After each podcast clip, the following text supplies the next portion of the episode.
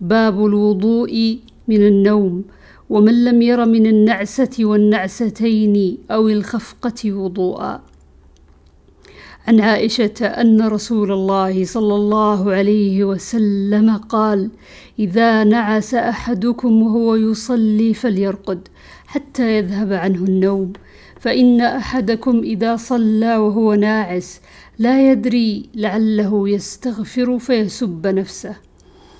وعن أنس عن النبي صلى الله عليه وسلم أنه قال: إذا نعس في الصلاة فلينم حتى يعلم ما يقرأ.